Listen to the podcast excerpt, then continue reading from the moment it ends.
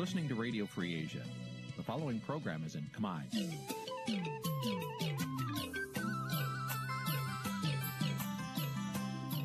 នេះជាកម្មវិធីផ្សាយ Vuthu Azizi Serai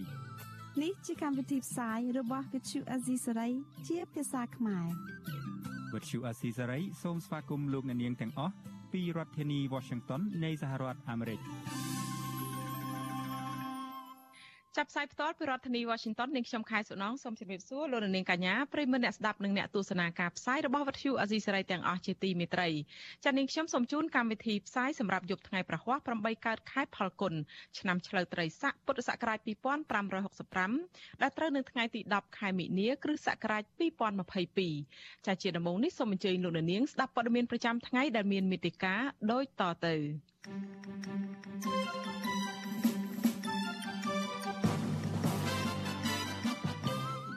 តុលាការបន្តសំណុំរឿងកញ្ញាសេងធីរីនិងសកម្មជនគណៈបកសង្គ្រោះជាតិ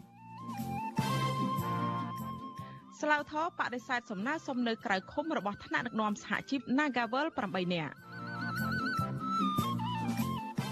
អញ្ញាធរឃុំខ្លួនបេក្ខជនគណៈបកភ្លើងទៀនម្នាក់និងរារាំងសកម្មជនឈរឈ្មោះបោះឆ្នោត។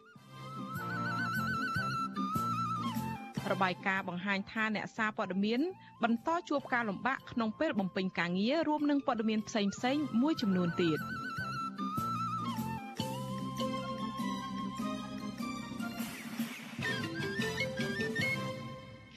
ចាជាបន្តទៅនេះនាងខ្ញុំខែសុណងសូមជូនព័ត៌មានទាំងនេះពឺស្ដាចាលោកនាងជាទីមេត្រីតុលាការរាជធានីភ្នំពេញនៅថ្ងៃទី10ខែមីនានេះបន្តសវនាការលើកទី12លើសំណុំរឿងរបស់អ្នកជំនាញផ្នែកច្បាប់និងនយោបាយអន្តរជាតិកញ្ញាសេងធីរីនិងសកម្មជនគណៈបកប្រឆាំង3នាក់ពាក់ព័ន្ធទៅនឹងការចោទប្រកាន់ពីបទញុះញង់និងរួមគំនិតក្បត់ ជនជាប់ចោតនៅតែយល់ថាសវនាការលើសំណុំរឿងនេះមានចរិតនយោបាយដូច្នេះគ្មានសង្ឃឹមនៅក្នុងការទទួលបានយុត្តិធម៌នោះទេចាលោកនាងនឹងបានស្ដាប់សេចក្តីរាយការណ៍នេះពុស្ដានៅពេលបន្តិចទៀតនេះ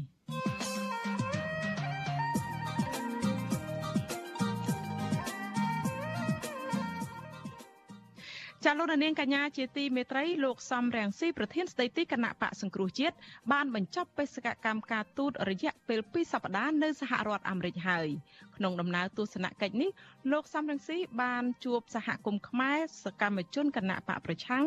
និងអ្នកមុខអ្នកមុខអ្នកការរបស់សហរដ្ឋអាមេរិកមួយចំនួនដើម្បីស្វែងរកដំណោះស្រាយនយោបាយនៅកម្ពុជាតើលោកសំរងស៊ីនឹងទទួលបានផលអ្វីខ្លះពីដំណើរទស្សនកិច្ចនេះចាសសូមលោកនាងរងចាំស្ដាប់នីតិវេទិកាស្ដាប់វិទ្យុអាស៊ីសេរីនៅក្នុងការផ្សាយរបស់យើងនៅក្នុងតកតងទៅនឹងបញ្ហានេះនៅរាត្រីថ្ងៃសុក្រទី11ខែមិនិនាស្អែកនេះកុំបីខានហើយប្រសិនជាលោកនាងមានជាសំណួរឬក៏មតិយោបល់មកកាន់កម្មវិធីផ្សាយរបស់យើងចាលោកនាងអាចដាក់លេខទូរស័ព្ទរបស់លោកអ្នកនៅក្នុងខ្ទង់ comment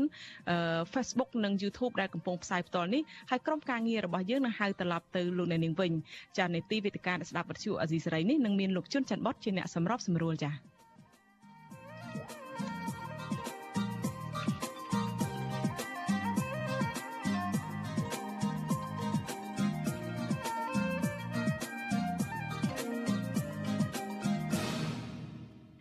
ចាលោកនាងកញ្ញាជាទីមេត្រីចាលោកនាងកំពុងស្ដាប់នឹងទស្សនាការផ្សាយរបស់វិទ្យុអាស៊ីសេរីចាតកតងទៅនឹងសំណុំរឿងក្រុមកម្មករ Nagawal ឯនេះវិញស្លាវធររាជធានីភ្នំពេញបដិសេធសំណើសុំនៅក្រៅឃុំបណ្ដោះអាសន្នរបស់ថ្នាក់ដឹកនាំនិងសមាជិកសហជីពត្រួតត្រងសិទ្ធិការងារបុគ្គលិកកម្មករខ្មែរ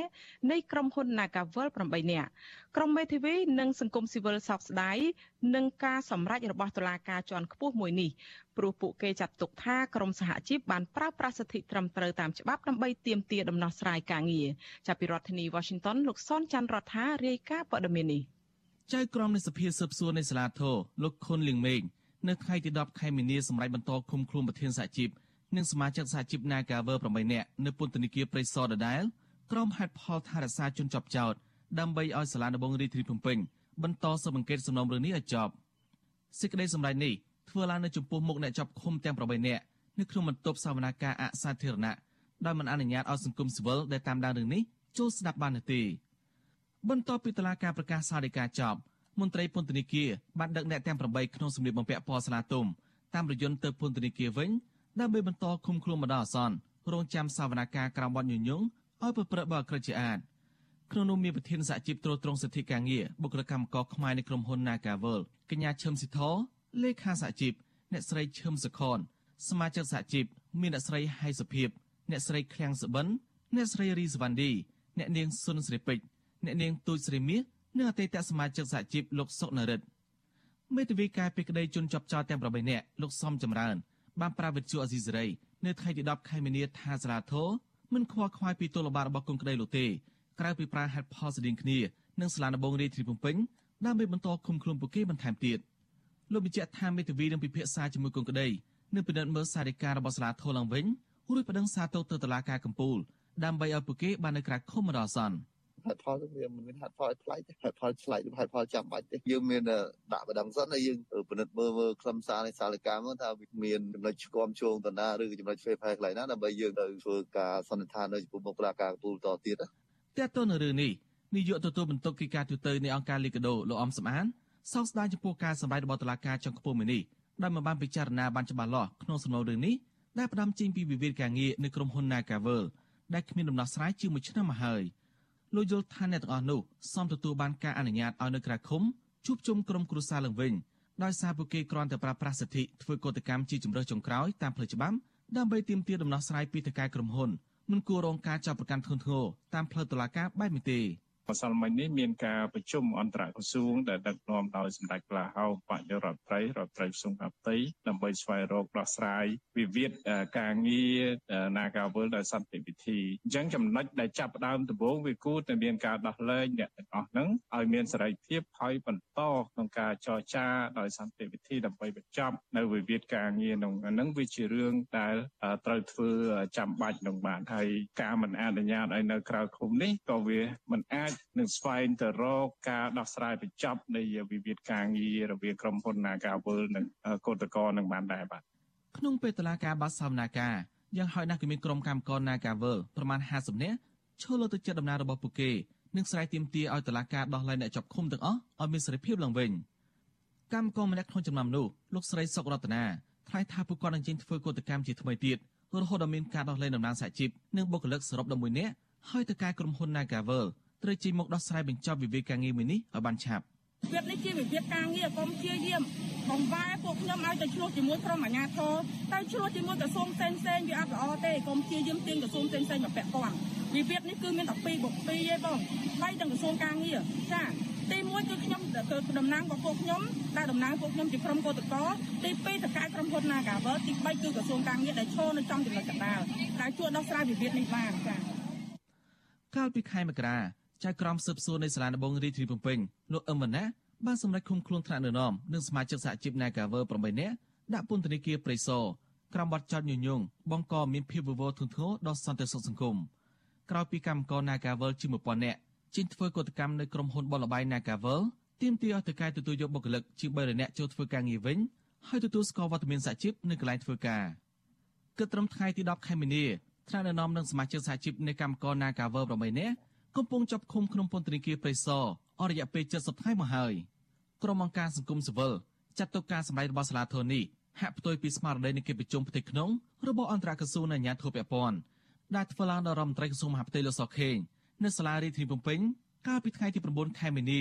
នៅក្នុងការស្វែងរកដំណោះស្រាយការងារនៅក្រុមហ៊ុន Nagavel គិតមកទល់ពេលនេះលទ្ធផលនៃកិច្ចប្រជុំនេះមិនទាន់មានប្រភពណាមួយទម្លាយឲ្យសាធារណជនបានដឹងនៅឡើយទេ អង្គការសង្គមស៊ីវិលស្នើសុំស្ថាប័នតុលាការនៅក្រសួងពាក់ព័ន្ធទាំងអស់ពន្យល់ដំណោះស្រាយរឿងនេះដោយទម្លាក់ចោលការចាប់ប្រកាន់ហើយដោះលែងតំណាងសហជីពសមាជិកសហជីពនិងកម្មករ Nagavel 11នាក់ឲ្យមានសេរីភាពឡើងវិញដើម្បីចូលតុចរចាជាមួយក្រុមហ៊ុន Nagavel បញ្ចប់វិវាទការងារមួយនេះដោយសន្តិវិធីទើបជាដំណោះស្រាយល្អប្រសើរខ្ញុំសុនចន្ទថាវិទ្យុអេស៊ីសេរីរាយការណ៍ពីរដ្ឋធានីវ៉ាស៊ីនតោន ចាលោកនាងកញ្ញាជាទីមេត្រីចាតកតងទៅនឹងរឿងគណៈបកភ្លើងទៀននៅនេះវិញអាញាធរខេត្តពោធិ៍សាត់បានឃុំខ្លួនបេក្ខជនឈរឈ្មោះបោះឆ្នោតក្រុមប្រឹក្សាឃុំសង្កាត់គណៈបកភ្លើងទៀនម្នាក់ដាក់ពន្ធនាគារពីបទក្លែងបន្លំឯកសារស្របពេលដែលបេក្ខជននៅខេត្តមួយចំនួនរងការគំរាមកំហែងនិងរារាំងសកម្មភាពនយោបាយសង្គមស៊ីវិលចាត់ទុកទង្វើបែបនេះថាជាការរឹតបន្តឹងសិទ្ធិសេរីភាពផ្នែកនយោបាយរបស់ប្រជាពលរដ្ឋនៅមុនការបោះឆ្នោតចាប់ពីរដ្ឋធានី Washington អ្នកស្រីម៉ៅសុធានីរាយការណ៍ព័ត៌មាននេះ អាញាធរបានបញ្ជូនសកម្មជនបកភ្លើងទៀននៅឃុំស្រែស្ដុកស្រុកកណ្ដៀងគឺលោកឈួនឈឿងអាយុ59ឆ្នាំទៅឃុំខ្លួននៅពន្ធនាគារខេត្តពោធិ៍សាត់ហើយ កាលពីថ្ងៃទី9ខែមីនាអនុប្រធានស្ដីទីក្រុមការងារគណៈបកភ្លើងទៀនខេត្តពោធិ៍សាត់ លោកឈុនប៊ុនខៀងប្រាប់វិទ្យុអសីស្រី នៅថ្ងៃទី10ខែមីនាថាមុនពេលចាប់ខ្លួនអាជ្ញាធរឃុំ បានហៅលោកឈុនឈឿងទៅសាកសួរនៅគណៈកម្មការរៀបចំការបោះឆ្នោតខេត្ត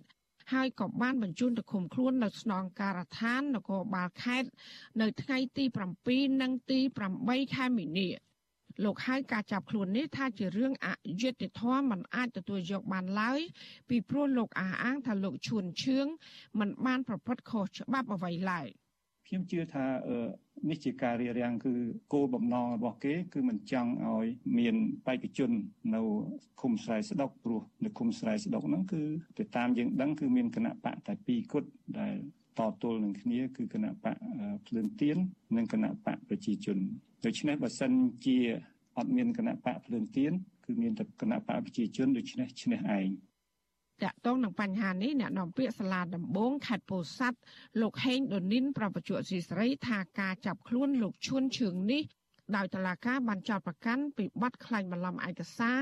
និងប្រើប្រាស់ឯកសារក្លែងក្លាយដើម្បីចុះឈ្មោះជាបេក្ខជនឈរឈ្មោះបោះឆ្នោតជ្រើសរើសក្រុមប្រឹក្សាឃុំស្រែស្ដុកយកឈ្មោះគេដែលអត់ដឹងអត់សម័យខ្លួនអត់ដឹងថាអឺអត់ដឹងរឿងយកទៅចុះទីក្នុងបញ្ជីឈ្មោះរបស់គាត់ណាចឹងរឿងស្ថិតនៅក្នុងការស៊ើបអង្កេតរបស់ចៅក្រមស៊ើបតួគាត់នឹងស៊ើបអង្កេតបន្តទៀតបាទ ក៏ប៉ុន្តែសកម្មជនបកភ្លើងទៀនច្រានចោលចំពោះការចាប់ប្រកាន់នេះនិងចាត់ទុកថាជាការមូលបង្កាច់ខុសពីការពិតដោយសារអាញាធរបារម្ភខ្លាចចាញ់ការបោះឆ្នោតនាពេលខាងមុខចំណែកនៅខេត្តត្បូងឃ្មុំនិងខេត្តកំពង់ចាមឯនោះវិញអាជ្ញាធរគណៈបកកណ្ដាលអំណាចក៏បានរារាំងនិងបង្កការលំបាកដល់សកម្មជនគណៈបកភ្លើងទៀននោះដែរអនុគណៈកម្មការបណ្ដោះអាសន្នបកភ្លើងទៀនខេត្តកំពង់ចាម លោកអោសុផានឲ្យដឹងថាអាញាធររួមមានមេឃុំ មេភូមិនិងប៉ូលីសមូលដ្ឋានស្ទើរតែគ្រប់ស្រុកបានគម្រាមកំហែងនិងរារាំងបេក្ខជនគណៈបកភ្លើងទៀនគ្រប់រូបភាព ជាឧទាហរណ៍សកម្មជនបកនៅឃុំបារាយស្រុកព្រៃឈរជាច្រើនអ្នកត្រូវបានអាជ្ញាធរប្តឹងបង្ខំឲ្យពួកគេលាលែងពីបេក្ខជនបោះឆ្នោតក្រោមហេតុផលថាសកម្មជនទាំងនោះមិនចេះអក្សរ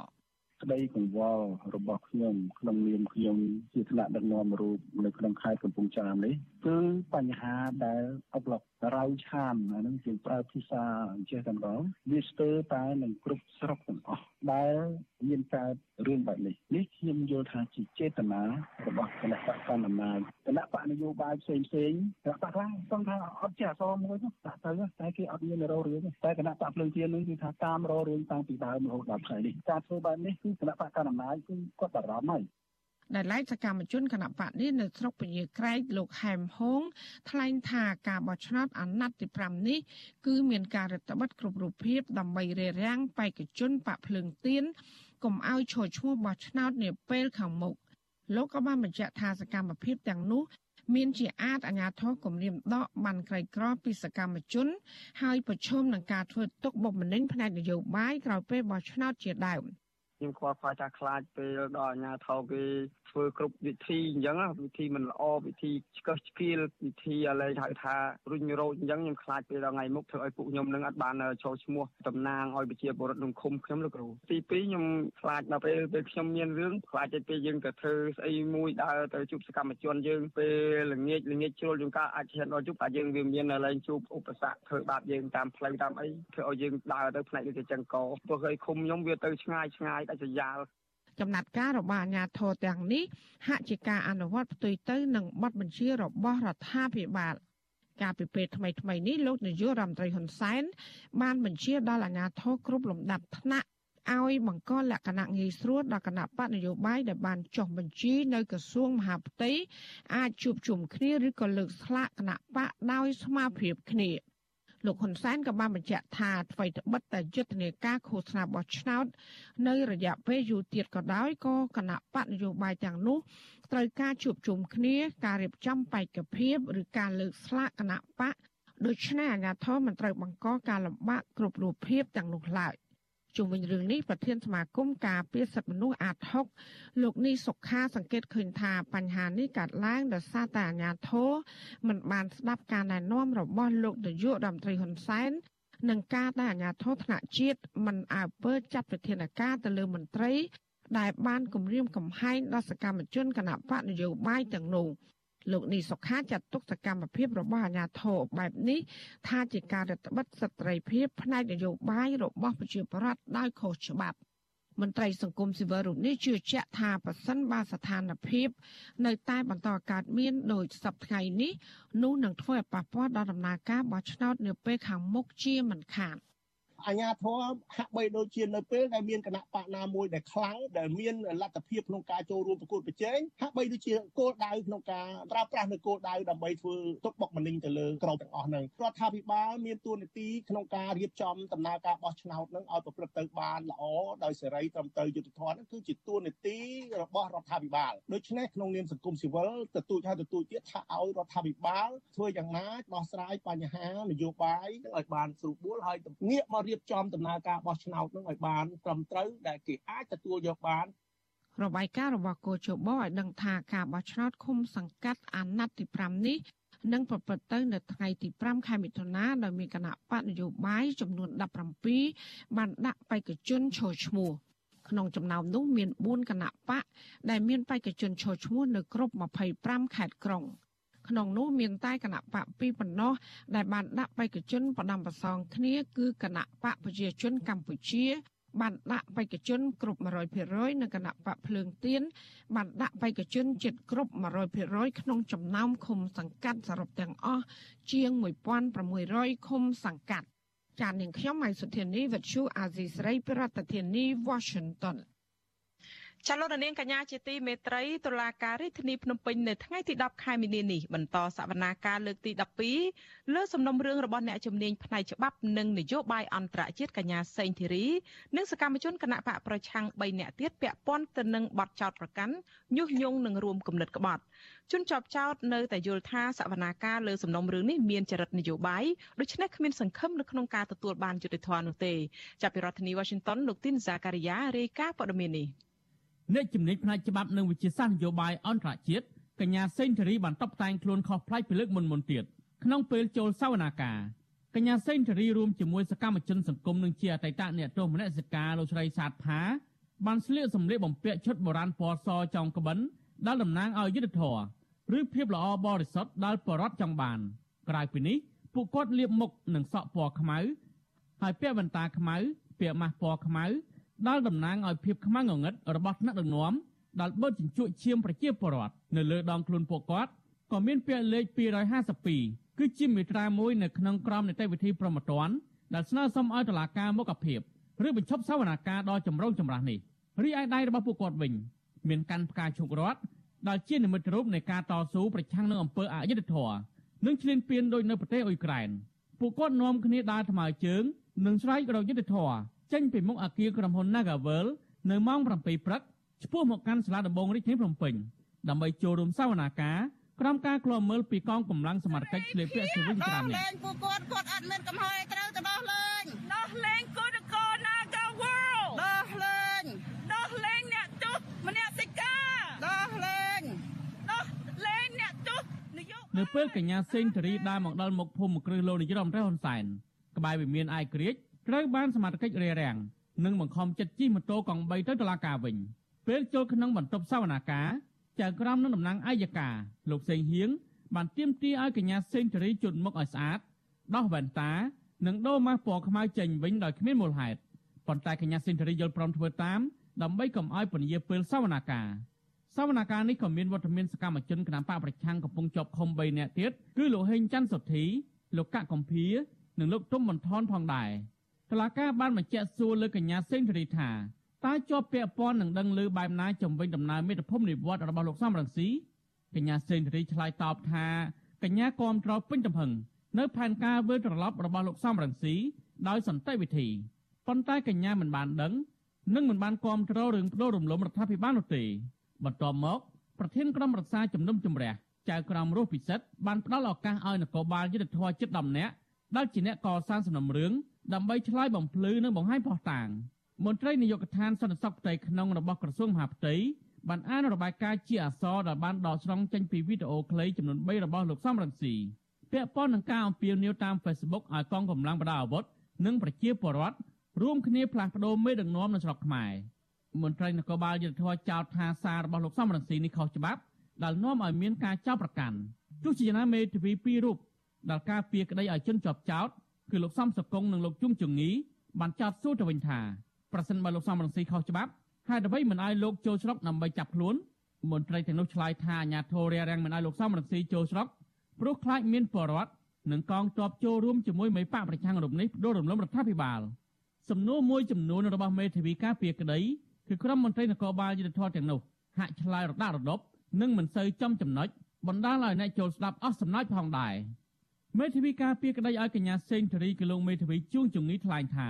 ទោះបីជាពេញចិត្តឬមិនពេញចិត្តចំពោះសវនកម្មនេះក្តីក៏លោកកំពុងតែខិតខំតតាំងគ្រប់នីតិវិធីរបស់តុលាការដើម្បីការពារផលប្រយោជន៍ជូនកូនក្តីសម្រាប់កូនក្តីខ្ញុំគាត់អត់សម្រេចចិត្តទេកញ្ញាសេងធីរីគាត់អះអាងថាជាសកម្មភាពឆក់លខោនជាតឡាការធ្វើតាមបញ្ជីរបស់អ្នកមានអំណាចអញ្ចឹងប៉ុន្តែយើងជាមេធាវីយើងអត់មានជំនឿទេត្រូវតែចូលរួមដើម្បីការពារសិទ្ធិកូនក្តីរបស់យើងទៅតាមបច្ចេកទេសរបស់យើងតែប៉ុណ្្នឹងឯងជាមួយគ្នានេះ ក្រោយចប់សវនកម្មកញ្ញាសេងធារីបានប្រាប់ក្រុមអ្នកសារព័ត៌មាននៅខាងមុខតុលាការថាផោះតាំងមួយចំនួននៅក្នុងរបាយការណ៍របស់នគរបាលយុទ្ធធរគឺមិនស្របគ្នាជាមួយនឹងវីដេអូជាក់ស្ដែងរបស់លោកសំរងស៊ីនោះទេអ្នកជំនាញផ្នែកច្បាប់និងវិជាសាស្ត្រនយោបាយអន្តរជាតិរំនេះនៅតែអះអាងថាការគ្រប់គ្រងផែនការវិលចូលស្រុកវិញរបស់លោកសំរងស៊ីគឺជាសិទ្ធិស្របច្បាប់ដូច្នេះតុលាការត្រូវតែបញ្ចប់សវនាការបែបឆាកល្ខោននេះ គាត់ថាខ្ញុំបានបំផុសឬដឹងឮថាលោកសំរងស៊ីបានបំផុសឲ្យដួលរលំរដ្ឋាភិបាលនេះទេខ្ញុំថាអត់ទេពីព្រោះអ្វីដែលខ្ញុំបានចូលរួមខ្ញុំបានចូលរួមលើកទឹកចិត្តឲ្យប្រជាពលរដ្ឋទៅស្វាគមន៍លោកសំរងស៊ីហើយមិនមែនជារដ្ឋាភិបាលទេជារបបផ្ដាច់ការបើអញ្ចឹងខ្ញុំលើកចំណុចអ្វីដែលខ្ញុំបានលើកឡើងពីមុនប៉ុន្តែលើកលើកនេះនៅក្នុងការគូបញ្ជាក់ឲ្យនគរបាលគាត់បានដឹងឮផង សវនកម្មនេះមានការចូលរួមក្លំមើលពីតំណាងស្ថានទូតលោកសេរីមួយចំនួនអង្គការសង្គមស៊ីវិលអ្នកសារព័ត៌មាននិងសាច់ញាតិរបស់ជនជាប់ឃុំតឡាការនឹងបន្តសវនកម្មលើសំណុំរឿងដដាលនេះនៅថ្ងៃទី15មីនាខាងមុខទៀតអ្នកនាំពាក្យសមាគមការពារសិទ្ធិមនុស្សអាត់ហុកលោកសង្សានករណាសង្កេតឃើញថាការចោទប្រកាន់និងការកាត់ទោសលើសកម្មជននយោបាយកញ្ញាសេងធារីនេះផុសតាំងដាក់បន្ទុកភាកច្រើន ខាងនគរបាល និងតុលាការផ្ដោតលើការបញ្ចេញមតិដោយសន្តិវិធីនៅលើបណ្ដាញសង្គម Facebook លោកយល់ថាក្តីក្តាំដល់សាធារណជនចាត់ទុកថាការចេញពីវិវាទនយោបាយនិងកាត់ក្តីដោយតុលាការលំអៀងបែបនេះពុំអាចផ្ដល់យុត្តិធម៌ពិតប្រាកដជូនសកម្មជននយោបាយនិងសកម្មជនសិទ្ធិមនុស្សបានឡើយ។ ពាក់ព័ន្ធទៅនឹងវិវាទនយោបាយយើងក៏សម្គាល់ថាការដោះស្រាយតាមផ្លូវតុលាការនេះវាមិនមែនជាជំរើសមួយដែលអាចបញ្ចប់សំណុំរឿងនឹងទៅបានទេហើយក៏មិនអាចផ្ដល់នៅលទ្ធផលទទួលបានយុត្តិធម៌ទៅដល់ភាគីដែរជាពិសេសភាគីដែលជាសកម្មជនតៃតបៈជំទាស់នឹងឯងអាចនឹងរងនៅភាពអយុត្តិធម៌នៅពេលដែលសម្រេចសេចក្តីអញ្ចឹងការបញ្ចប់វិវាទអ្នកនយោបាយនេះបានទៅល្អប្រសើរគឺមានតែដំណោះស្រាយរវាងអ្នកនយោបាយនិងអ្នកនយោបាយ តុលាការក្រុងភ្នំពេញបានចោទប្រកាន់កញ្ញាសេងធារីរួមជាមួយថ្នាក់ដឹកនាំនិងសកម្មជនគណបកប្រឆាំងជាង100នាក់ពីបទរួមគំនិតក្បត់និងញុះញង់ឲ្យមានភាពវឹកវរធ្ងន់ធ្ងរដល់សន្តិសុខសង្គមពាក់ព័ន្ធនឹងការបង្ហោះសារគាំទ្រផែនការមេត្តាភូមិនិវត្តរបស់ប្រធានស្ដីទីគណបកសង្គ្រោះជាតិគឺលោកសំរងស៊ីកាលពីឆ្នាំ2019សំណុំរឿងនេះមានសកម្មជនមួយចំនួនកំពុងជាប់ឃុំក្នុងពន្ធនាគារជិត2ឆ្នាំហើយប៉ុន្តែតុលាការមិនទាន់ចេញសារក្រមផ្តន្ទាទោសពួកគេនៅឡើយទេ អង្គការសង្គមស៊ីវិលជាតិនិងអន្តរជាតិជាច្រើនស្ថាប័នព្រមទាំងស្ថានទូតប្រទេសប្រជាធិបតេយ្យធំធំបានចាត់ទុករឿងក្តីក្តាំនេះថាជាការធ្វើទុកបុកម្នេញផ្នែកនយោបាយនិងស្នើឲ្យតុលាការទម្លាក់ចោលការចាប់ប្រកាន់និងដោះលែងជនជាប់ឃុំទាំងនោះឲ្យមានសេរីភាពឡើងវិញដោយគ្មានលក្ខខណ្ឌខ្ញុំទីនសាការីយ៉ាអសិរ័យប្រធានីវ៉ាស៊ីនតោន ចាលោកនាងកញ្ញាជាទីមេត្រីចាលោកនាងកំពុងស្ដាប់នឹងទស្សនាការផ្សាយរបស់វិទ្យុអាស៊ីសេរីផ្សាយចេញពីរដ្ឋធានី Washington នៃសហរដ្ឋអាមេរិកឱកាសដែលមេដឹកនាំប្រទេសសមាជិកអាស៊ានជួបប្រជុំផ្ទាល់ជាមួយប្រធានាធិបតី Joe Biden នៅសេតវិមានក្នុងរាជធានីនៅក្នុងរដ្ឋធានី Washington នៅចុងខែមីនានេះកំពុងមានបញ្ហាចម្រូងចម្រាសនៅពេលដែលមន្ត្រីជាន់ខ្ពស់កម្ពុជាអះអាងថាកិច្ចប្រជុំកំពូលពិសេសអាស៊ានអាមេរិកត្រូវបានលើកពេល លោកប្រាក់សុខុនរដ្ឋមន្ត្រីការបរទេសកម្ពុជាអះអាងថាមេដឹកនាំអាស៊ានខ្លះមិនអាចចូលរួមប្រជុំតាមពេលវេលាដែលសហរដ្ឋអាមេរិកគ្រោងធ្វើនៅចុងខែមីនានេះទេតែទោះជាយ៉ាងណាមកដល់ពេលនេះការអះអាងពីការបញ្ជាពេលនេះគឺលើកពេលតែភាគីខាងកម្ពុជាតែឯងនៅពេលដែលប្រទេសឥណ្ឌូនេស៊ីជាអ្នកសម្របសម្រួលកិច្ចប្រជុំនេះនៅមិនទាន់ឆ្លើយតបយ៉ាងណារីឯក្រសួងការបរទេសសហរដ្ឋអាមេរិកក៏មិនទាន់ឆ្លើយតបទៅនឹងការលើកពេលកិច្ចប្រជុំនេះនៅឡើយដែរ។ តើហេតុផលអ្វីខ្លះដែលនាំឲ្យមានភាពប្រទាំងប្រទើគ្នាក្នុងចំណោមមេដឹកនាំអាស៊ានទៅលើការកំណត់កិច្ចប្រជុំកម្ពុជាពិសេសនេះចាសសូមលោកនាងរងចាំតាមដានកិច្ចពិភាក្សាអំពីបញ្ហានេះនៅក្នុងកម្មវិធីផ្សាយរបស់យើងនៅពេលបន្តិចទៀតនេះចា៎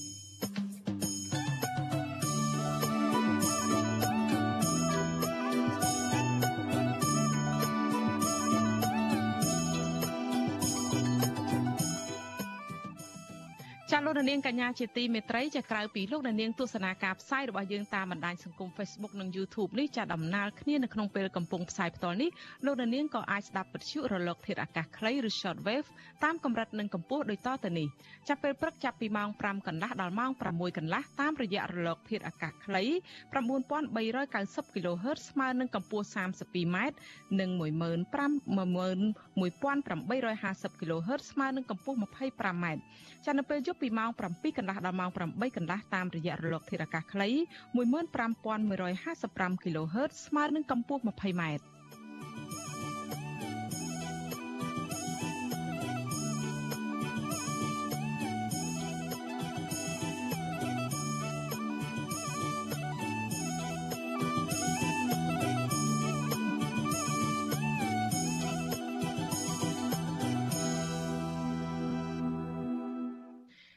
លោកនាងកញ្ញាជាទីមេត្រីចាសក្តីរាយការណ៍តាក់ទងទៅនឹងរឿងអំពើជួញដូរមនុស្សឯនេះវិញក្រុមអង្គការសង្គមស៊ីវិលជាតិនិងអន្តរជាតិស្នើសុំឲ្យអាជ្ញាធរចាត់វិធានការរួមគ្នាដើម្បីលុបបំបាត់អំពើជួញដូរមនុស្សនិងទេសភាពនៅក្នុងប្រទេសកម្ពុជាសេចក្តីថ្លែងការណ៍រួមរបស់អង្គការសមាគមជាតិនិងអន្តរជាតិនៅថ្ងៃទី10ខែមីនានេះឲ្យដឹងថាពួកគេមានការព្រួយបារម្ភជាខ្លាំងចំពោះការកើនឡើងនៃការជួញដូរមនុស្សការចាប់បង្ខំឲ្យធ្វើពលកម្មអំពើទេសភាពនិងទរណកម្មនិងតាមបរិវេណនៅតាមបរិវេណអាគារនានានៅកម្ពុជាក្រុមអង្គការក្នុងស្រុកនិងអន្តរជាតិបានចងក្រងការរាយការណ៍តាមប្រព័ន្ធផ្សព្វផ្សាយនិងគណនីបណ្ដាញសង្គមរបស់ជនរងគ្រោះរកឃើញថាមានមនុស្សរាប់ពាន់នាក់ដែលភ ieck ច្រើនជាជនបរទេសត្រូវបានទទួលរងគ្រោះនៃការរំលោភសិទ្ធិយ៉ាងធ្ងន់ធ្ងរទាំងនេះ។ នាយកផ្នែកកិច្ចការទូតនៃអង្គការលីកាដូលោកអំសំអាតមានប្រសាសន៍ប្រាប់វិទ្យុអាស៊ីសេរីនៅមុនការផ្សាយនេះបន្តិចថាសមត្ថកិច្ចត្រូវសហការជាមួយសហគ្រាសដែលប្រព្រឹត្តបទល្មើសទាំងនេះដើម្បីស៊ើបអង្កេតឲ្យបានច្បាស់លាស់ក្នុងការលុបបំបាត់អំពើជួញដូរនិងទេសភាពឲ្យមានប្រសិទ្ធភាពនៅក្នុងប្រទេសកម្ពុជាបាទនៅក្នុងសេចក្តីថ្លែងការណ៍រួមរបស់អង្គការជាតិនិងអន្តរជាតិដើម្បីលុបបំបាត់ទេសភាពនៅក្នុងប្រទេសកម្ពុជានឹងដោយសាររយៈពេលកន្លងមកនេះ យើងឃើញថាមានការកើនឡើងនៃការជួញដូរការប្រព្រឹត្តបទល្មើសតាមប្រព័ន្ធអ៊ីនធឺណិតការធ្វើទរណកម្មផ្សេងៗហើយបើយើងសរុបមកយើងឃើញថាជាង100ករណីទៅហើយដែលប្រទេសថៃប្រទេសវៀតណាមប្រទេសឥណ្ឌូនេស៊ីក៏ដូចជាប៉ាគីស្ថានបានរំដោះនៅជនរងគ្រោះត្រឡប់ទៅវិញណាបាទ សេចក្តីថ្លែងការណ៍ដដែលក៏បានបញ្ជាក់ថាការរំលោភបំពានពាក់ព័ន្ធទៅនឹងជនបរទេសត្រូវបានចាប់ជំរិតលក់ជួញដូរឬត្រូវបោកបញ្ឆោតឲ្យទទួលការងារនៅក្នុងខេត្តមួយចំនួនរួមមានខេត្តប្រស័យនុភ្នំពេញពោធិ៍សាត់និងខេត្តកោះកុងជាដើមបន្ទាប់មកពួកគេត្រូវបានឃុំខ្លួនក្នុងបរិវេណអគារធំធំនិងត្រូវបង្ខំឲ្យធ្វើការលើសម៉ោងគ្មានពេលសម្រាកជាដើមជនរងគ្រោះបានរត់គេចខ្លួនរួច រួចនិងបានរាយការណ៍ថាពួកគេត្រូវបានវាយធ្វើបាបទាំងរាងកាយនិងផ្លូវចិត្តរងអំពើហិង្សាពីសំណាក់ក្រុមដែលបង្ខាំងពួកគេនោះ។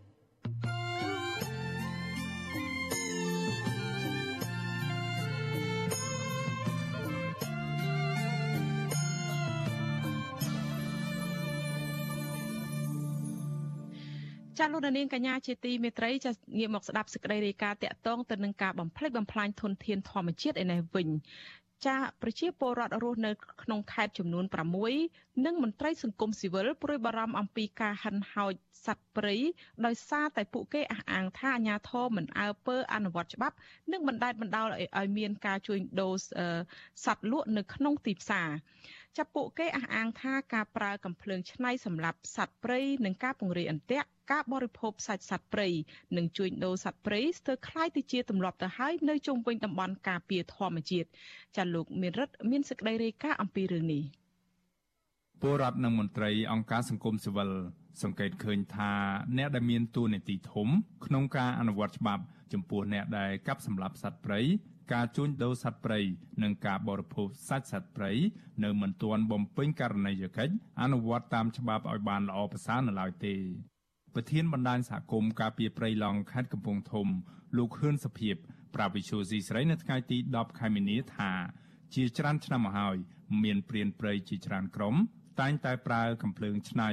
បបបាញ់សត្វព្រៃនិងដាក់អន្ទាក់បែបអនាធិបតេយ្យដើម្បីចាប់សត្វព្រៃធ្វើអាជីវកម្ម លោកថាសត្វព្រៃដែលពួកគេបបាញ់រួមមានសត្វស្វាទូចឆ្លុះជ្រូកព្រៃនិងសត្វខ្ទីងជាដើមហើយក្រោយពីប្រមាញ់បាន ពួកគេបានដឹកសត្វព្រៃទាំងនោះមកដាក់លក់ដោយលួចលាក់នៅលើទីផ្សារដោយកម្រឃើញមានសមត្ថកិច្ចជំនាញអនុវត្តច្បាប់ណាស់លោកបន្ថែមថាអ្នកដែលទប់ស្កាត់បទល្មើសសត្វព្រៃពុំទាន់មានភាពច្បាស់លាស់នៅឡើយនៅក្នុងការអនុវត្តចំពោះអ្នកដែលពាក់ព័ន្ធនៅឡើយទេ ដែលជាហេតុធ្វើឲ្យសត្វព្រៃជាច្រើនប្រភេទ ត្រូវប្រឈមទៅនឹងការផុតពូជ តកតងនឹងការចាប់សត្វស្វាសត្វចំពោះយើងឃើញប្រជាជនមួយចំនួននោះគឺគាត់ទៅរដូចររបរស្របច្បាប់អញ្ចឹងដោយអត់ទាន់មានចំណាត់ការពិតប្រាកដគេទប់ស្កាត់ដែរប៉ុន្តែទប់ស្កាត់ដោយវាមិនមែនជាចំណាត់ការរបស់អាជ្ញាធរសមត្ថកិច្ចណាឃើញក៏គេធ្វើទៅមិនឃើញក៏គេគប់គិតគ្នាតែរឿងលុយកាក់ទៅក៏វាចាប់តបគ្រប់ឯងហើយការបំផ្លាញក្រុមបាត់ល្មើសគឺនៅតែបំផ្លាញរហូតដល់បច្ចុប្បន្ននេះ ខេត្តដែលមានករណីជួញដូរសត្វព្រៃច្រើនរួមមានខេត្តកំពង់ធំ ស្ទឹងត្រែងរតនគិរីព្រះវិហារមណ្ឌលគិរីនិងខេត្តក្រចេះបើទោះបីជាមានយុទ្ធនាការផ្សព្វផ្សាយនិងអប់រំយ៉ាងណាក៏ដោយក៏នៅតែមានអ្នកពាក់ព័ន្ធរកស៊ីដាក់លក់សាច់សត្វព្រៃនៅក្នុងខេត្តចំនួន6នេះដដែលនេះបើយោងតាមវីដេអូជិត2នាទីដែលត្រូវបានផ្សព្វផ្សាយដោយកាសែតខ្មែរ Times កាលពីថ្ងៃទី9ខែមីនា អ្នកគ្រប់គ្រងកម្មវិធីនៃអង្គការជីវិតសត្វស្លាបអន្តរជាតិប្រចាំកម្ពុជា លោកប៊ូវរៈស័កបានថ្លែងនៅក្នុងវីដេអូនោះថាខេត្តចំនួន6នេះកំពុងដាក់លក់និងទិញសត្វសត្វព្រៃនៅលើទីផ្សារនៅក្នុងស្រុកលោកថាមិនអាចទុកឲ្យរឿងនេះបន្តកើតមានបាននោះទេព្រោះនឹងបង្កើតឲ្យមានវិបត្តិនៃការបាត់បង់សត្វព្រៃហើយប្រសិនបើបញ្ហានេះមិនត្រូវបានដោះស្រាយនោះទេ នោះនឹងមិនមានសត្វព្រៃតទៅទៀតទេ នៅថ្ងៃអនាគត វិសុយស៊ីស្រីមិនអាចតាក់ទងសុំការបំភ្លឺរឿងនេះពីអ្នកនាំពាក្យក្រសួងបរិស្ថានលោកនេតភក្ត្រាបាននៅឡើយទេ នៅថ្ងៃទី10ខែមីនាដោយទូរស័ព្ទហៅចូលតែគ្មានអ្នកលើកក៏ប៉ុន្តែលោកនេតភក្ត្រាត្រូវបានស្រង់សម្ដីនៅក្នុងវីដេអូនោះថាក្រសួងបានជ្រាបពីបញ្ហានេះហើយនិងកំពុងខិតខំដោះស្រាយបញ្ហានេះ លោកបន្តថាក្រសួងបានធ្វើប្រតិបត្តិការជាច្រើនលើកដើម្បីចាប់ជនល្មើសហើយថែមទាំងបានឲ្យអ្នកពាក់ព័ន្ធចុះកិច្ចសន្យា មិនពាក់ព័ន្ធនឹងសកម្មភាពចាប់សត្វព្រៃខុសច្បាប់ទៀតនោះឡើយទោះយ៉ាងណាសមាជិកបណ្ដាញសហគមន៍ការពារព្រៃឡង់ខេត្តស្ទឹងត្រែងលោកអុកម៉ៅឲ្យដឹងថាតំបន់ព្រៃឡង់នៅក្នុងខេត្តស្ទឹងត្រែង ក្នុងឃុំកាំងចាម និងឃុំអន្លង់ភេស្រុកថ្លាបរវត្តសម្បូរដោយអ្នកប្រមាញ់សត្វព្រៃរួមមានការដាក់អន្ទាក់ ការប្រើគិសនីឆក់និងបបបាញ់សត្វជាដើមហើយការបង្ក្រាបមានតិចតួចនៅឡើយទេលោកថាក្រុមអ្នកប្រមាញ់ច្រានយកសាច់សត្វព្រៃទៅលក់ឲ្យឈ្មួញនៅទីផ្សារនៅក្នុងខេត្តស្ទឹងត្រែងរីឯអាជីវករមួយចំនួនទៀតបានដាក់តាំងលក់សាច់សត្វព្រៃជាច្រើនប្រភេទនៅលើទីផ្សារអស់រយៈពេលជាច្រើនឆ្នាំមកហើយ។ គេប្រលំឈើហើយគេដាក់មើងហើយគេវាយទម្លាក់ដីឈ្មួញមានចាំទិញនៅនៅនៅខេត្តបាទរត់ទីផ្សារសប្ថ្ងៃវាទឹកអធិញឥឡូវវាដូចថាវាសម្បូរនៅទីរួមខេត្តសឹងត្រែងហ្នឹងបាទភាគច្រើនតែអ្នកធំធំឯងគេហូបទីផ្សារនៅសឹងត្រែងមានសត្វកាចាំងសត្វសាយសត្វឆ្លុះសត្វជ្រូកព្រៃ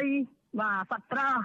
ជុំវិញរឿងនេះ មន្ត្រីសម្របសម្រួលគម្រោងនៃសមាគមបណ្ដាញយុវជនកម្ពុជាហៅកាត់ថា CYN លោកអូតឡាទីន សង្កេតឃើញថាបច្ចុប្បន្នអ្នកបរិភោគសាច់សត្វព្រៃភាគច្រើនគឺជាមន្ត្រីរាជការនិងមន្ត្រីធំធំលោកថាអន្ទាក់ចាប់សត្វព្រៃដែលឆ្នៃចេញពីខ្សែប្រាំងម៉ូតូអាចមានលទ្ធភាពចាប់សត្វព្រៃធំធំបានដោយងាយនៅគ្រប់តំបន់ការពារធម្មជាតិហើយលោកកម្រឃើញអាជ្ញាធរមានសមត្ថកិច្ចអនុវត្តច្បាប់ ទៅលើអ្នកប្រមាញ់សត្វព្រៃណា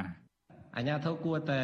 សហប្រតិបត្តិការឲ្យបានស្អិតរមួតជាមួយនឹងសហគមន៍មូលដ្ឋានដែលគាត់ជាអ្នកធ្វើកិច្ចការងារការពារទុនធានធម្មជាតិនៅតាមតំបន់ដែនជម្រកសត្វព្រៃឬក៏នៅសហគមន៍តំបន់ការពារធម្មជាតិផ្សេងផ្សេងអញ្ចឹងសូមឲ្យយកចិត្តទុកដាក់ខ្ពស់នៅក្នុងការចោះទប់ស្កាត់ចលនានៃការលួចដាក់អន្ទាក់សត្វឬក៏ការសម្លាប់សត្វព្រៃតាមរូបភាពផ្សេងផ្សេងនេះបាទមន្ត្រីសង្គមសវរុងនេះបន្ថែមថាសមត្ថកិច្ចចម្រុះស្ទើរគ្រប់ស្ថាប័ន ត្រូវបានពង្រាយនៅព័ទ្ធជុំវិញតំបន់ការពារនិងនៅទីប្រជុំជន តែបែរជាមិនអើពើទប់ស្កាត់ការបរបាញ់សត្វព្រៃខុសច្បាប់ឲ្យមានប្រសិទ្ធភាពនោះទេលោកថាពលរដ្ឋរស់នៅជនបទខ្លះមានកំភ្លើងឆ្នៃតែងលួចបរបាញ់ដាក់អន្ទាក់និងប្រើថ្នាំពុលនៅទីតាំងចម្រុកសត្វព្រៃរស់នៅលោកអំពាវនាវឲ្យក្រសួងបរិស្ថាននិងស្ថាប័នពាក់ព័ន្ធអនុវត្តច្បាប់ឲ្យបានតឹងរឹងចំពោះអ្នកពាក់ព័ន្ធសត្វព្រៃនិងលុបបំបាត់នៅអំពើពុករលួយរឿងជួញដូរសត្វព្រៃដើម្បីរួមចំណែកថែទាំសត្វព្រៃដែលកំពុងរស់នៅក្នុងដែនអភិរក្សគ្រប់តំបន់ច្បាប់ស្តីពីព្រៃឈើឆ្នាំ2002មាត្រា49ចែងថាហាមឃាត់ដាច់ខាតរាល់សកម្មភាពបរបាញ់យាយីបំផ្លាញសត្វព្រៃគ្រប់ប្រភេទជាពិសេសការដឹកជញ្ជូន ការធ្វើពាណិជ្ជកម្មនិងការនាំចេញនាំចូល ខ្ញុំបាទមេរិត Visual C ស្រីរាយការណ៍ពីរដ្ឋធានី Washington ចាលោកនាងកញ្ញាជាទីមេត្រីចាតកតងទៅនឹងរឿងធនធានធម្មជាតិដែរអ្នកសិក្សាស្រាវជ្រាវរបស់រដ្ឋបាលជលផល និងអង្គការមូលនិធិសកល សម្រាប់អភិវឌ្ឍធនធានធម្មជាតិ WWF ប្រទះឃើញកូនផ្សោតទន្លេមេគង្គទើបកើតមួយក្បាល ដំបូងគេបង្អស់សម្រាប់ឆ្នាំ2022 ទំព័រ Facebook របស់រដ្ឋបាលជលផលឲ្យដឹងថាកាលពីថ្ងៃទី6ខែមិនិនាអ្នកសិក្សាស្រាវជ្រាវបានប្រទះឃើញកូនផ្សោតទើបកើតថ្មីមួយក្បាលដែលហែលជាមួយនឹងវងផ្សោតចំនួន8ក្បាលនៅអន្លង់កោះផ្ដៅស្រុកសម្បូរខេត្តក្រចេះអ្នកស្រាវជ្រាវបានសន្និដ្ឋានថាកូនផ្សោតដែលទើបកើតថ្មីនេះមានអាយុក្រោមសប្តាហ៍មួយសប្តាហ៍តែប៉ុណ្ណោះទន្ទឹមនឹងសារតវត្តមានកូនផ្សោតដែលទើបកើតថ្មីអង្គការការពារសត្វផ្សោត WWF បារម្ភអំពីកត្តាគំរាមកំហែងផ្សេងផ្សេងដែលបង្កដោយសកម្មភាពរបស់មនុស្សអង្គការនេះលើកឡើងថាដើម្បីជៀសវាងអំពីកត្តាគំរាមកំហែងទាំងនេះគឺទាមទារមានការចុះល្បាតជាប្រចាំនិងពង្រឹងការអនុវត្តច្បាប់ជលផលបន្ថែមទៀតដើម្បីកាត់បន្ថយអត្រាស្លាប់នៃផ្សោតទន្លេមេគង្គ។ កាលពីថ្ងៃទី15ខែកុម្ភៈអ្នកសិក្សាស្រាវជ្រាវបានបង្ហាញការសោកស្ដាយចំពោះការស្លាប់ផុតពូជផ្សោតទន្លេមេគង្គនៅអន្លង់ផ្សោតមួយកន្លែងក្នុងខេត្តស្ទឹងត្រែងជាប់ព្រំប្រទល់ដែនប្រទេសឡាវផ្សោតទម្ងន់ជាង100គីឡូក្រាមនៅអន្លង់ឈើទាលខេត្តស្ទឹងត្រែងបានស្លាប់ដោយសារតែស្បៃមងរុំជាប់កន្ទុយ កាលពីឆ្នាំ2021អ្នកស្រាវជ្រាវបានកត់ត្រាចំនួនផ្សោតកើតថ្មីចំនួន6ក្បាល ចំណែកឆ្នាំ2020អ្នកស្រាវជ្រាវបានកត់ត្រាចំនួនផ្សោតកើតថ្មីចំនួន9ក្បាលទៀតគិតមកទល់ពេលនេះកម្ពុជាមានផ្សោតទន្លេមេគង្គប្រមាណ90ក្បាលដែលមិនរាប់បញ្ចូលទាំងកូនផ្សោតទើបកើតថ្មីដែលកំពុងមានវត្តមាននៅខេត្តក្រចេះនិងខេត្តស្ទឹងត្រែងនោះទេ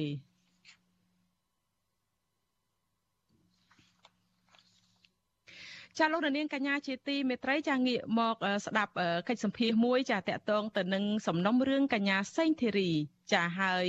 កញ្ញាសេងធីរីនៅថ្ងៃនេះគឺតុលាការរាជធានីភ្នំពេញបានបន្តសវនាការលើកទី12លើសំណុំរឿងរបស់កញ្ញារួមទាំងសកម្មជនគណៈបកប្រឆាំង3នាក់ទៀតពាក់ព័ន្ធទៅនឹងការចោទពីបទញុះញង់និងរួមគំនិតក្បត់ហើយឥឡូវនេះកញ្ញាបានចូលជាមួយយើងតាមប្រព័ន្ធវីដេអូ Skype ដើម្បីសម្ភាសបន្ថែមបន្តិចទាក់ទងទៅនឹងរឿងនេះចានេះខ្ញុំសូមជម្រាបសួរកញ្ញាពីចម្ងាយចា ជំរាបសួរលោកស្រីប្អូននិងកែសំណងជំរាបសួរបងប្អូនទាំងអស់គ្នាចា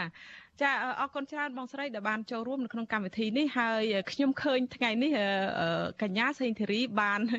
តែងខ្លួនឆ្នៃប្រឌិតថ្មីថ្មីទៀតហើយប្លែកមែនតើថ្ងៃនេះដោយមានលៀបមុខលៀបអីផងហើយចង់ដឹងថាកំណត់ឆ្នៃប្រឌិតនេះអាចនិយាយសង្ខេបតិចតាមពិតមុននេះយើងមានសេចក្តីរាយការណ៍មួយរបស់លោកទីនសាការីយ៉ាដែរអំពីការឆ្នៃប្រឌិតមានគូមុខខ្មៅពាក់ម៉ាស់ហើយបែរជាស្លៀកសម្លៀកពណ៌សដៃកាន់ផ្កាឈូករ័ត្ននេះតើមានអត្ថន័យខ្លឹមសារយ៉ាងម៉េចទៅចា៎ ក្បាលមុខខ្មៅនិមិត្តរូបដោយថ្នាក់ដឹកនាំដែលមានចិត្តខ្មៅចំពោះប្រជាពលរដ្ឋនៅក្នុងការជញ្ជាក់ជីវិតពីប្រជាពលរដ្ឋអឺកក្បិនសនិមិត្តរូបឲ្យអ្វីដែលយើងចង់បាន បំណងប្រាថ្នារបស់យើងយុទ្ធធរសេរីភាពអឺលទ្ធិប្រជាធិបតេយ្យអ្វីដែលអាចធ្វើឲ្យប្រទេសយើងជឿនលឿនបានជាងនេះជានិមិត្តរូបហើយ សញ្ញាសញ្ញាលេខ252នេះជាមេត្រាពីក្រមនីតិវិព្រីក្រមនីតិវិធីប្រមត្តននិយាយអំពីមុខភាពប្រសិនបើអាជ្ញាធរនៅក្នុងរឿងតឡាការនេះបានរំលោភបំពានលើសិទ្ធិរបស់ជនជាប់ចោតនៅក្នុងការអត់ផ្ដល់ព័ត៌មានឲ្យគាត់ត្រឹមត្រូវអត់មានផ្ដល់ព័ត៌មានសោះអាបែបអស់នឹងនៅក្នុងនីតិវិធីតាំងពីដើមដំបូងករណី ចូលទៅដល់សវនាការតែម្ដងហើយចំពោះខ្ញុំមានការរំលោភបំពានដោយច្រើនដងច្រើនសារពីអាជ្ញាធរពីព្រះរាជអាជ្ញាផងពីចៅក្រមស៊ើបអង្កេតផងបានជាងធ្វើឲ្យអ្វីដែលកើតឡើងនៅក្នុងរយៈពេលមួយឆ្នាំកន្លះនឹងជាមោឃៈមានន័យថាគួរច្បាប់តម្រូវឲ្យទម្លាក់ចោលការចោទប្រកាន់ដោយឥតលក្ខខណ្ឌពីព្រោះវាមុខភាពហើយខ្ញុំគិតថាមិនមែនត្រឹមតែខ្ញុំទេការចាប់ប្រកាន់លើអ្នកផ្សេងផ្សេងទៀតក៏ ត្រូវការច្បាប់តម្រូវឲ្យទម្លាក់ចោលដែរពីព្រោះអត់មានមូលដ្ឋានអង្គច្បាប់និងអង្គហេតុចាអរគុណច្រើនកញ្ញាហើយតកតងនឹងរឿងការគូមុខគូមាត់ខ្មៅពាក់ម៉ាស់ខ្មៅនេះគឺថាឃើញឮថានៅពេលដល់បន្ទប់សាវនាការនឹងចៅក្រមហើយនឹងតំណាងអัยការលោកសេងហ៊ាននឹងបានទៀមទាឲ្យកញ្ញាទៅលុបមុខចោលហើយដោះអាម៉ាស់ខ្មៅនេះចេញទៅទៀតកញ្ញាថាយល់ព្រមដើម្បីកុំឲ្យមានលេះ ក្នុងការពន្យាពេលសវនាការអីចឹងទៅប៉ុន្តែកញ្ញាយល់ឃើញយ៉ាងម៉េចដែរចំពោះការដែលគាត់ខ្លាចអ្វីដែលជាការសិល្បៈដែលកញ្ញាតស៊ូមតិហើយធ្វើគូមុខមាត់អីចូលក្នុងសវនាការអញ្ចឹងចា៎ខ្ញុំគិតថាគាត់ស្ដាយដែលពីមុនពីមុនមកពិសេសសវនាការកន្លងពីកន្លងមកគាត់បានបើកឱកាសច្រើនឲ្យខ្ញុំនិយាយស្ដីផ្នែកផ្នែកលទ្ធិប្រជាធិបតេយ្យដោយគាត់បានគោរពនីតិវិធីហើយ មានចិត្តសុបរោះណាស់ប៉ុន្តែថ្ងៃនេះគាត់ប្រើភាសាតឹងគាត់ប្រើភាសាខ្លាំងសឹងតែសឹងតែភាសាយើងថាគម្រាមនៅក្នុងនេះចំពោះខ្ញុំខ្ញុំនិយាយឆ្លើយធម្មតាពីព្រោះគាត់អត់មានមូលដ្ឋានឲ្យខ្ញុំច្បាស់លាស់នៅក្នុងការបញ្ជាឬមិនចំណគាត់ស្នើហើយមានបញ្ជានៅក្នុងភាពស្មើនឹងឲ្យគាត់ឲ្យខ្ញុំទៅលៀងមុខចេញ អអត់មានច្បាស់លាស់ក្រៅពីមេត្រា318ដែលជាទលំទលីមែនទែនប៉ុន្តែខ្ញុំគិតថាអ្វីដែលខ្ញុំចង់បាននៅក្នុងការទាញអារម្មណ៍ប្រជាជនប្រជាពលរដ្ឋបានហើយបានចឹងខ្ញុំចង់ស្ដាប់សវនាការពិសេសការដេញដោលលើសមាជិកហើយខ្ញុំហើយលោកជុងីជាមេ TV ខ្មែររបស់ខ្ញុំបានពិភាក្សារយៈពេលមួយផ្លែតដែរយើងបានឲ្យផ្អាក យើងបានពិភាក្សាយើងគិតថាយើងគួរនៅពីព្រោះចង់ឮពីសមាជិកហើយ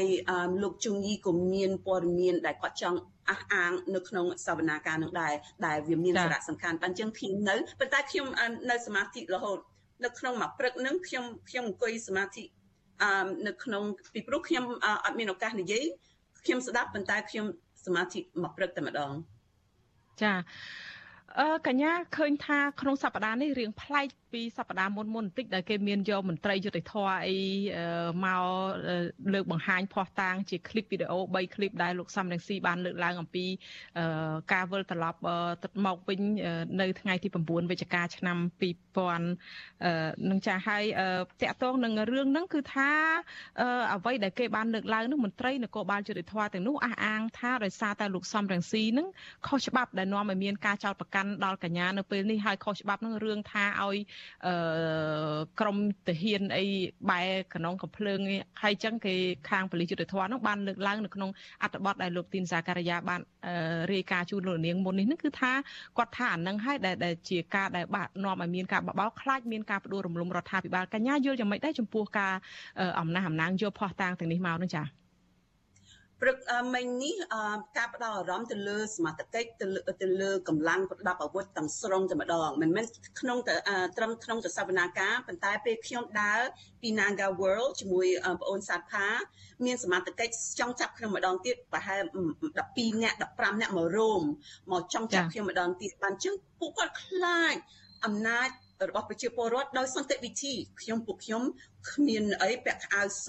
ដើរជាជាសាធារណៈដើរដើរដោយសន្តិវិធីប៉ុន្តែនៅក្នុងសវនាការព្រឹកនេះជានីតិវិធីបានផ្ដោតអារម្មណ៍ទៅលើការដេញដោលតាមសំណួររបស់ព្រះរាជអាជ្ញារបស់មេធាវីទៅលើប៉ូលីសនគរបាលហើយសមត្ថកិច្ចមួយក្រុមទៀតដែលមើលខុសត្រូវលើភារវកម្មបានចឹង សូមបញ្ជាក់អំពីភាពមិនប្រក្រតីមិនមែនត្រឹមតែតាម252ដែលនិយាយអំពីសិទ្ធិរបស់ជនជាប់ចោលទេប៉ុន្តែភាពមិនប្រក្រតីមួយទៀតដែលលោកជងីជាមេធាវីរបស់ខ្ញុំបានលើកឡើងអះអាងគាត់ថាអត់គួរបញ្ចូលករណីពីរនេះចូលគ្នាទេករណីមួយជារឿងភារវកម្មដែលបានកើតឡើងដើមឆ្នាំ2019ណា កុម្ភៈ2019ហើយករណីមួយទៀតជាករណីរបស់ខ្ញុំ ដែលផ្ដោតអារម្មណ៍ទៅលើការចោទប្រកាន់អំពីញុះញង់និងក្បត់ជាតិឥ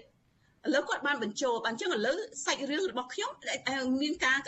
មានភារវកម្មគ្រប់ដណ្ដាប់លើខ្ញុំដែរបានចឹងលោកជងីល្អមែនតើនៅក្នុងការអះអាងរបស់គាត់ថានេះមិនប្រក្រតីហើយច្បាប់ ហាមអត់ឲ្យធ្វើបែបនេះទេប៉ុន្តែបានជឹងសមត្ថកិច្ចគាត់គាត់មានការម្ដងគាត់ជំរុញ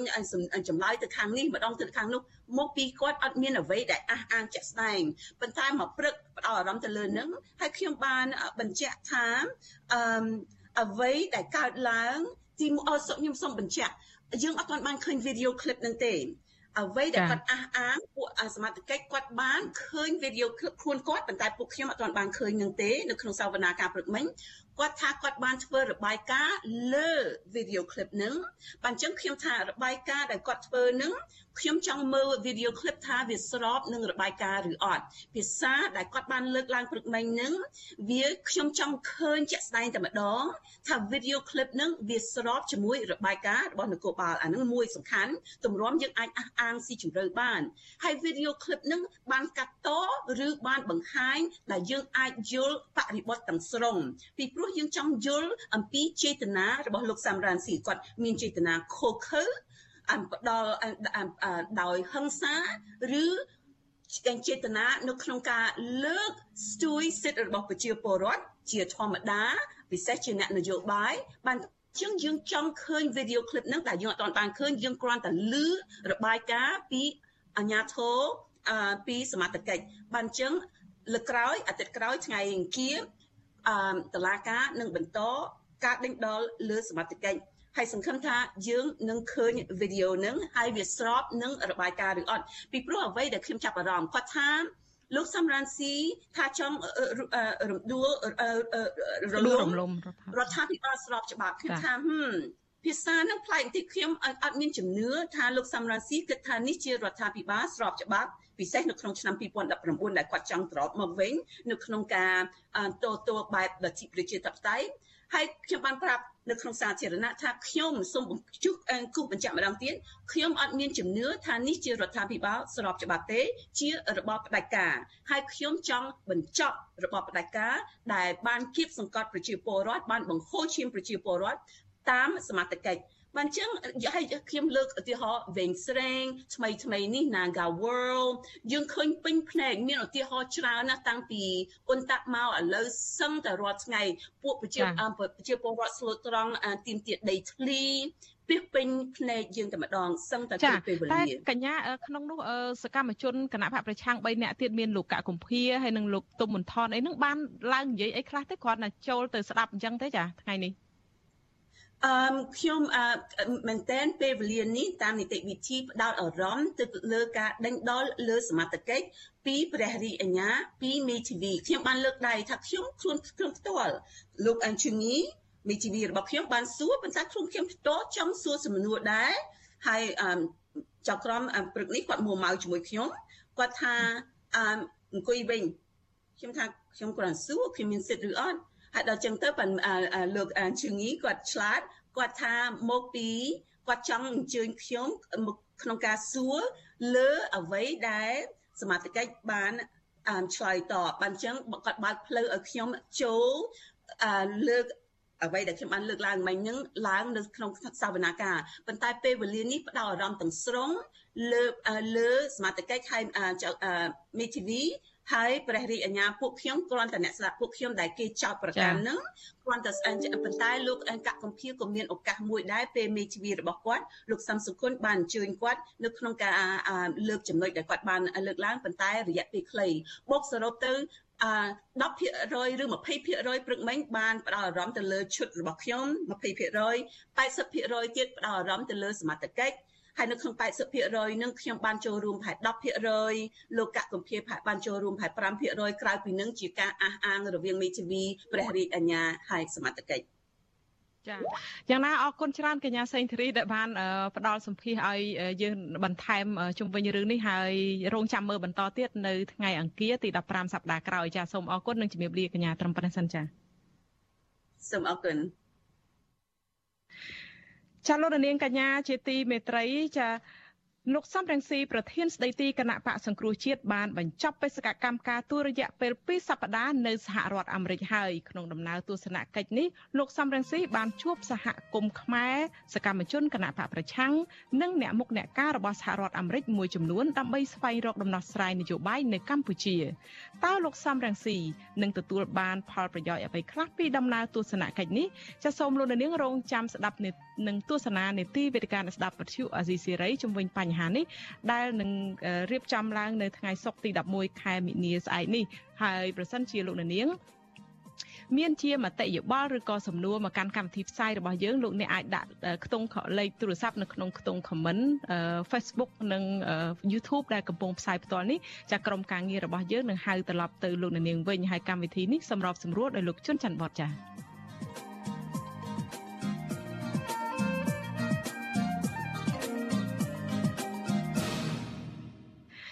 ចាលោកនាងកញ្ញាជាទីមេត្រីចានៅក្នុងឱកាសដែលមេដឹកនាំប្រទេសសមាជិកអាស៊ានជួបប្រជុំផ្ទាល់ជាមួយប្រធានាធិបតីអាមេរិកលោកโจ Biden នៅសេតវិមានក្នុងរាជធានីរដ្ឋធានី Washington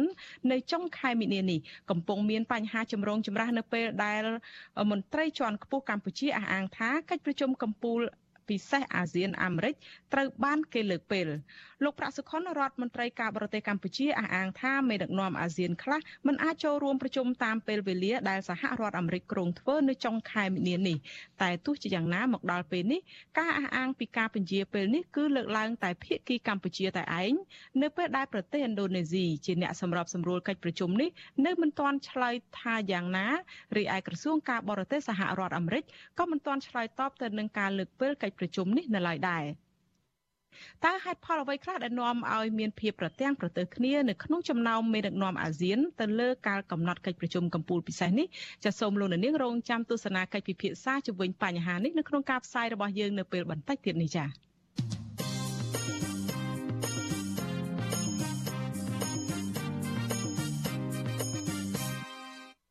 ចាលោកនាងកញ្ញាជាទីមេត្រីចាសក្តីរាយការណ៍តាក់ទងទៅនឹងអ្នកសារព័ត៌មានវិញរបាយការណ៍អង្គការសារព័ត៌មានបានរកឃើញថាអ្នកសារព័ត៌មានឯករាជ្យកំពុងជួបបញ្ហាប្រឈមកាន់តែខ្លាំងនៅក្នុងការបំពេញការងារដើម្បីផ្ដល់ដំណឹងពិតជូនទៅដល់មហាជនទោះយ៉ាងណាមន្ត្រីរដ្ឋាភិបាលថារបាយការណ៍នេះមិនបានឆ្លុះបញ្ចាំងពីសេរីភាពសារព័ត៌មាននៅកម្ពុជានោះឡើយចាសសូមលោកនាងស្ដាប់សេចក្តីរាយការណ៍នេះរបស់លោកលេងម៉ាលី មជ្ឈមណ្ឌលកម្ពុជាដើម្បីប្រព័ន្ធផ្សព្វផ្សាយឯករាជ្យហៅកាត់ថា CCIM រកឃើញថា មានបញ្ហាមួយចំនួនដែលអ្នកសារព័ត៌មានឯករាជ្យប្រឈមរួមមានសម្ពាធនយោបាយការដាក់គំនាបរបស់រដ្ឋាភិបាល និងបញ្ហាផ្លូវច្បាប់ជាដើមរបាយការណ៍ប្រចាំឆ្នាំ2021ស្ដីពីការប្រជុំរបស់អ្នកសារព័ត៌មានឯករាជ្យចេញផ្សាយដោយមជ្ឈមណ្ឌល CCIM នៅថ្ងៃទី10ខែមីនាឆ្នាំ2022បង្ហាញថា ស្ថានភាពសេរីភាពសារព័ត៌មាននៅកម្ពុជាក្នុងឆ្នាំ2021កាន់តែអាក្រក់បើប្រៀបធៀបនឹងឆ្នាំ2020អ្នកជំនាញផ្នែកសារព័ត៌មាននិងអ្នកពាក់ព័ន្ធមិនរំពឹងថាស្ថានភាពសារព័ត៌មាននៅឆ្នាំ2022អាចនឹងល្អឡើងវិញនោះទេដោយសារការបន្តរឹតបន្តឹងផ្នែកនយោបាយនិងបទដ្ឋានច្បាប់ផ្សេងៗដែលផ្ដល់អំណាចកាន់តែច្រើនដល់រដ្ឋាភិបាលក្នុងការគ្រប់គ្រងប្រព័ន្ធផ្សព្វផ្សាយនៅកម្ពុជា។ នាយកផ្នែកប្រព័ន្ធផ្សព្វផ្សាយរបស់ CCIM លោកអ៊ិតសុធឿតឲ្យវិទ្យុអស៊ីសេរីដឹងថារបាយការណ៍នេះឆ្លុះបញ្ចាំងពីស្ថានភាពអ្នកសារព័ត៌មានឯករាជ្យដែលស្ថាប័នរបស់លោកតែងចេញផ្សាយប្រចាំឆ្នាំ និងមានជំនាញអ្នកស្រាវជ្រាវត្រឹមត្រូវលោកបន្តថាទូសពថ្ងៃនេះមានស្ថាប័នសារព័ត៌មានច្រើនក្តីប៉ុន្តែមិនបានបង្ហាញពីគុណភាពនៃសេរីភាពសារព័ត៌មានទេ អ្នកធ្វើការងារផ្នែកប្រព័ន្ធផ្សព្វផ្សាយរូបនេះជំរុញទៅរដ្ឋាភិបាលឲ្យព្យាយាមបើកចំហសេរីភាពសារព័ត៌មាន ជាពិសេសធានាឲ្យអ្នកសារព័ត៌មានឯករាជ្យអាចបំពេញការងារដោយគ្មានការភ័យខ្លាចគ្មានការរើសអើងនិងគ្មានការគំរាមកំហែង ឃើញថាអ្នកសារព័ត៌មានយើងបានជួបបញ្ហាប្រឈមច្រើនហើយដូចជាការមានការកើនឡើងអញ្ចឹងអឺនេះបងអសបញ្ជាក់ថាអឺវិស័យសារព័ត៌មានយើងកំពុងតែជួបការលំបាកនៅឡើយហើយអ្នកសារព័ត៌មានឯករាជ្យនៅតែមានបញ្ហារៀងស្ទះក្នុងការបំពេញមុខងាររបស់គាត់ប្រធានវិទ្យាស្ថានប្រជាធិបតេយ្យកម្ពុជាបណ្ឌិតប៉ាច័ន្ទរឿនដែលជាអ្នកស្រាវជ្រាវធ្វើរបាយការណ៍នេះលើកឡើងថាអ្នកសារព័ត៌មានក៏កំពុងជួបការពិបាកក្នុងការរកប្រភពពីរដ្ឋាភិបាល ក្រុមហ៊ុនឯកជន និងប្រភពផ្សេងផ្សេងទៀតដែរលោកបន្តថាក្រៅពីនេះអ្នកសារព័ត៌មានកំពុងជួបការគំរាមកំហែងផ្លូវចិត្តផ្លូវកាយនិងផ្លូវច្បាប់ព្រោះការបំពេញការងាររបស់ខ្លួន។ អ្នកកសែតបាទអ្នកសារព័ត៌មានជួបប្រទេសនៅក្នុងឆ្នាំ2021នេះគឺការគម្រាមកំហែងឬក៏ការធ្វើទុកការផិតភ័យការធ្វើទុកបុកម្នេញទៅលើទៅលើរាងកាយទាំងផ្នែកផ្លូវច្បាប់បាទរួមទាំងផ្នែកផ្លូវចិត្តផងដែរបាទគឺជាបញ្ហាប្រឈមធ្ងន់ធ្ងរបាទដែលអ្នកសារព័ត៌មានបានជួបប្រទេសបាទនៅក្នុងឆ្នាំ2021នៅក្នុងការបំពេញកិច្ចការងាររបស់ពួកគាត់តើតើនឹងការរកឃើញនេះ វិទ្យុអស៊ីសេរីមិនអាចសុំប្រតិកម្មពីអ្នកនាំពាក្យក្រសួងព័ត៌មានលោកមាសសុភ័ណ្ឌបានទេ នៅថ្ងៃទី10មីនារីឯអ្នកនាំពាក្យរដ្ឋាភិបាលលោកផៃស៊ីផាននិយាយថារបាយការណ៍នេះមិនឆ្លុះបញ្ចាំងពីស្ថានភាពពិតនៃសេរីភាពសារព័ត៌មាននោះទេលោកបន្តទៀតថាវិធានការផ្លូវច្បាប់លើអ្នកសារព័ត៌មានគឺកើតឡើងដោយសាររឿងបកគលប៉ុន្តែនៅពេលមានចោទសួរតាក់ទងនឹងករណីអតីតអ្នកសារព័ត៌មានវិទ្យុអស៊ីសេរីនិងអ្នកកាសែត The Cambodia Daily ដែលត្រូវរងការចោទប្រកាន់តាមផ្លូវច្បាប់ដោយសារការបំពេញវិជ្ជាជីវៈរបស់ខ្លួននោះវិញអ្នកនាំពាក្យរដ្ឋាភិបាលរូបនេះសូមមិនបំភ្លឺទេដោយលើកឡើងថារឿងនេះមានភាពស្មុគស្មាញ ព្រោះខ្ញុំអត់ខ្ញុំអត់មានចម្លើយទេទៅសួរខាងតុលាការហើយសួរអ្នកនោះផ្ទាល់ខ្លួនទៀតតើអ្នកនោះបានធ្វើដោយអ្វីដែលគេចោទទេតើអ្នកនោះមានមេធាវីទេហើយមានការតតាំងនៅតុលាការដែរទេអានេះជាសំណួរជាច្រើនហើយមកសួរខ្ញុំអ្នកនាំពាក្យរាជរដ្ឋាភិបាលបើសំណួរខ្លះខ្ញុំអាចឆ្លើយបានដូចជាថាតែជាការគិតសង្កត់ទៅលើអ្នកសារព័ត៌មាន ដូចជាការលើកឡើងនឹងមិនសមស្របនឹងស្ថានភាពសពថ្ងៃនៅកម្ពុជានោះទេបាទមជ្ឈមណ្ឌលកម្ពុជាដើម្បីប្រព័ន្ធផ្សព្វផ្សាយឯករាជ្យនិងសម្ព័ន្ធអ្នកសារព័ត៌មានកម្ពុជាកម្ពុជាបានកត់ត្រាការធ្វើទុកបុកម្នេញលើអ្នកសារព័ត៌មានចំនួន51ករណីឬស្មើនឹងអ្នកសារព័ត៌មានរងគ្រោះចំនួន93នាក់5នាក់ជាស្ត្រី ក្នុងនោះអ្នកសារព័ត៌មានចំនួន32នាក់ត្រូវបានចាប់ខ្លួន ហើយ24នាក់ប្រឈមមិនដឹងផ្លូវច្បាប់និង18នាក់ទៀតអះអាងថាទទួលរងការគំរាមកំហែងនិងការធ្វើទុកបុកម្នេញអង្គការអន្តរជាតិនានារកឃើញថា4ឆ្នាំមកនេះសេរីភាពសារព័ត៌មាននៅកម្ពុជាស្ថិតនៅក្នុងស្ថានភាពអាក្រក់ព្រោះតែរដ្ឋាភិបាលលោកហ៊ុនសែនបន្តរដ្ឋបិទគម្រាមកំហែងចាប់ខ្លួនអ្នកសារព័ត៌មានដាក់ពន្ធនាគារពីបទប្រមទ័ននិងបង្កើតច្បាប់ថ្មី និងមានចរិតរដ្ឋបិទសេរីភាពសារព័ត៌មានជាដើម។ ខ្ញុំបាទលេងម៉ាលីវិទ្យុអស៊ីសេរីរាយការណ៍ពីរដ្ឋធានី Washington ចាលោកនាងកញ្ញាជាទីមេត្រីចានៅពេលបន្តិចទៀតនេះសម្រាប់លោកនាងដែលស្ដាប់ការផ្សាយផ្ទាល់តាមវិទ្យុរលកធាតុអាកាសខ្លីឬ Shortwave នៅម៉ោង8កន្លះនេះលោកនាងនឹងមិនលឺការផ្សាយរបស់យើងខ្ញុំទៀតទេប៉ុន្តែលោកអ្នកដែលទស្សនាការផ្សាយរបស់យើងតាមបណ្ដាញសង្គម Facebook និង YouTube នោះសូមនៅបន្តជាមួយយើងបន្តិចទៀតចាប់ព័ត៌មានតកតងទៅនឹងការរីករាលដាលនៃជំងឺ Covid-19 អ្នកស្លាប់ដោយសារជំងឺ Covid-19 បានកើនឡើងដល់3044អ្នកហើយក្រោយពីអ្នកជំងឺម្នាក់ទៀតបានស្លាប់ ចំណែកករណីឆ្លងថ្មីវិញក្រសួងសុខាភិបាលប្រកាសថាមានចំនួនជាង200នាក់ដែលសុទ្ធតែជាមេរោគបំផ្លែងខ្លួនថ្មីអូមីក្រុងក្នុងនោះ24នាក់ជាករណីនាំចូលនិង214នាក់ទៀតជាករណីឆ្លងនៅក្នុងសហគមន៍គិតត្រឹមព្រឹកថ្ងៃទី10ខែមិនិនានេះកម្ពុជាមានអ្នកកើតជំងឺ Covid-19 ជាង130,000នាក់ក្នុងនោះអ្នកជាសះស្បើយមានជាង120,000នាក់ ចាក្រសួងសុខាភិបាលប្រកាសថាគិតត្រឹមថ្ងៃទី9ខែមិនិនាម្សិលមិញរដ្ឋាភិបាលចាក់វ៉ាក់សាំងគ្រប់ដូសជូនពលរដ្ឋបានជាង13លាន8សែននាក់ក្នុងចំណោមពលរដ្ឋដែលត្រូវចាក់ប្រមាណ14លាននាក់រាប់ពីកុមារអាយុ5ឆ្នាំរហូតដល់មនុស្សពេញវ័យរីឯដុសជំរុញទី3និងទី4វិញរដ្ឋាភិបាលចាក់ជូនពលរដ្ឋបានជាង8លានដូសស្របពេលដែលកុមារអាយុពី3ឆ្នាំដល់ក្រោម5ឆ្នាំរដ្ឋាភិបាលចាក់ដូសទី1បានជាង2សែននាក់ ចាលោកនាងកញ្ញាជាទីមេត្រីចាតំណាងជនជាដើមភៀតតិចគួយម្នាក់ដែលមានចំនួនដីធ្លីជាមួយក្រុមហ៊ុន Delcom Cambodia ត្រូវបានតុលាការខេត្តព្រះវិហារចេញដីកាកោះហៅឲ្យចូលខ្លួនបំភ្លឺនៅថ្ងៃទី10ខែមីនានេះ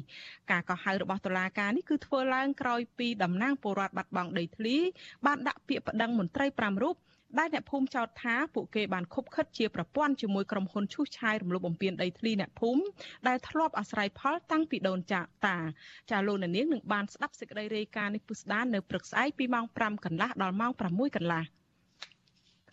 ចាលោកនាងកញ្ញាជាទីមេត្រីចាសម្រាប់ពេលនេះនាងខ្ញុំខែសុណងសូមអរគុណនិងសូមជម្រាបលាហើយសូមប្រកុលនីតិនេះជូនទៅដល់អ្នកស្រីសុជីវីអ្នកជាអ្នកសម្របសម្រួលចាស់ហើយអ្នកស្រីសុជីវីនិងសម្របសម្រួល